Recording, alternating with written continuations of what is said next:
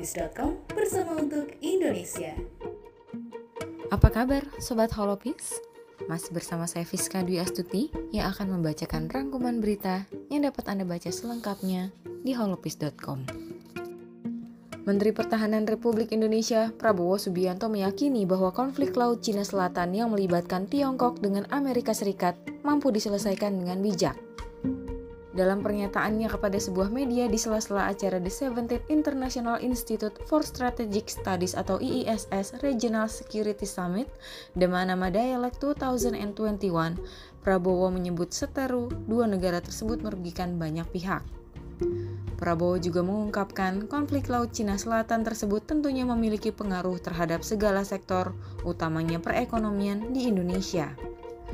Sementara itu, membahas mengenai konflik di Timur Tengah, Prabowo juga tegaskan dirinya sangat mendukung terwujudnya perdamaian. Dorongan itu sendiri menurut Prabowo dengan kondisi bangsa Indonesia yang memiliki populasi negara dengan muslim terbesar di Indonesia mencapai 90%. Dalam acara yang digelar di Bahrain tersebut, Prabowo akui menjadi momentum bagi negara Indonesia mengajak sejumlah negara-negara Islam di dunia untuk bisa bersama mengakhiri seteru di Timur Tengah.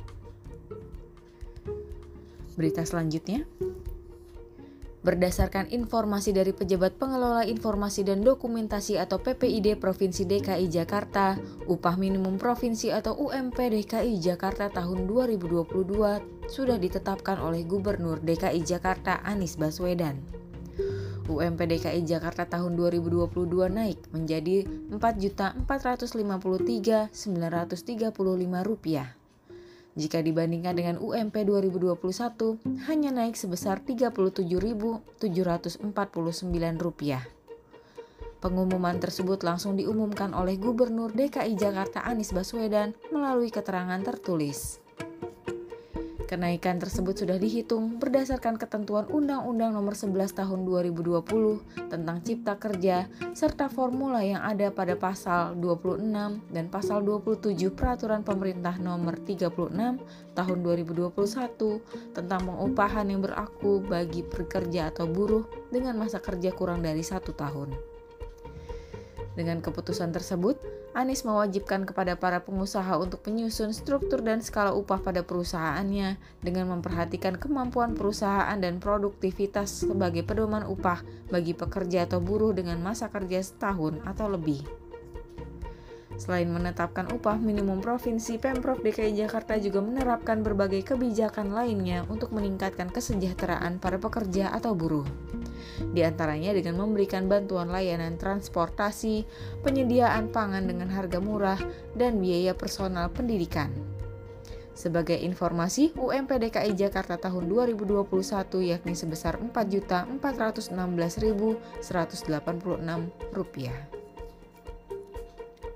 Berita selanjutnya, Ketua Dewan Pengarah Satuan Tugas Penanganan Hak Tagih Negara atas Bantuan Likuiditas Bank Indonesia atau Satgas BLBI Profesor Muhammad Mahfud MD menyampaikan bahwa pihaknya telah melayangkan somasi kepada obligor Kaharudin Ongko dan Agus Anwar.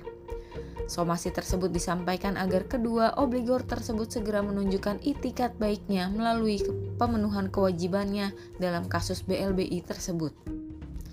Ia juga memastikan bahwa negara akan mengambil langkah tegas melalui jalur hukum jika para obligor tersebut tak segera menunjukkan itikat baiknya.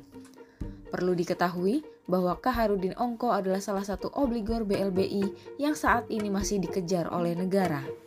Utang Kaharudin Ongko kepada negara sebesar 8,2 triliun rupiah. Kaharudin Ongko adalah salah satu taipan di era Orde Baru. Ia saat itu menjabat sebagai komisaris PT Bank Umum Nasional atau BUN yang juga menjadi penerima aliran dana segar dari BLBI. Sementara itu, Agus Anwar adalah salah satu obligor BLBI yang saat ini masih diburu oleh pemerintah melalui Satgas Hak Tagih Negara BLBI. Agus Anwar adalah mantan pemilik dari Bank Pelita Istimart. Agus Anwar dipanggil oleh Satgas BLBI terkait dengan utang BLBI, yakni senilai 635,4 miliar rupiah dalam rangka program penyelesaian kewajiban pemegang saham atau PKPS Bank Pelita Istimar. 82,2 miliar rupiah terkait penjamin penyelesaian kewajiban debitur PT Panca Puspan. Sedangkan yang terakhir adalah 22,3 miliar rupiah. Agus Anwar dalam perkara ini adalah penjamin dari PT Bumi Suri Adi Lestari. Berita selanjutnya, BTS kembali mengukir prestasi membanggakan. Boyband Korea Selatan Bangtan Boys atau BTS tersebut membawa tiga penghargaan sekaligus dari American Music Awards tahun ini. Beberapa kategori yang dimenangkan BTS adalah Favorit Pop Group selama tiga tahun berturut-turut, Favorit Pop Song melalui lagu berlilik bahasa Inggris Butter, dan Artist of the Year. Tak hanya merebut tiga penghargaan, BTS juga tampil bersama Coldplay dan menampilkan single kolaborasi mereka berjudul My Universe. BTS merupakan musisi Asia pertama dan satu-satunya yang memenangkan Artist of the Year di American Music Awards. Tak ketinggalan, para member BTS pun memberikan rasa terima kasih kepada para pendukung mereka khususnya ARMY. Selamat ya BTS! Demikian rangkuman berita untuk hari ini. Saya Fiska Dwi Astuti melaporkan untuk holopis.com bersama untuk Indonesia. Holopis.com bersama untuk Indonesia.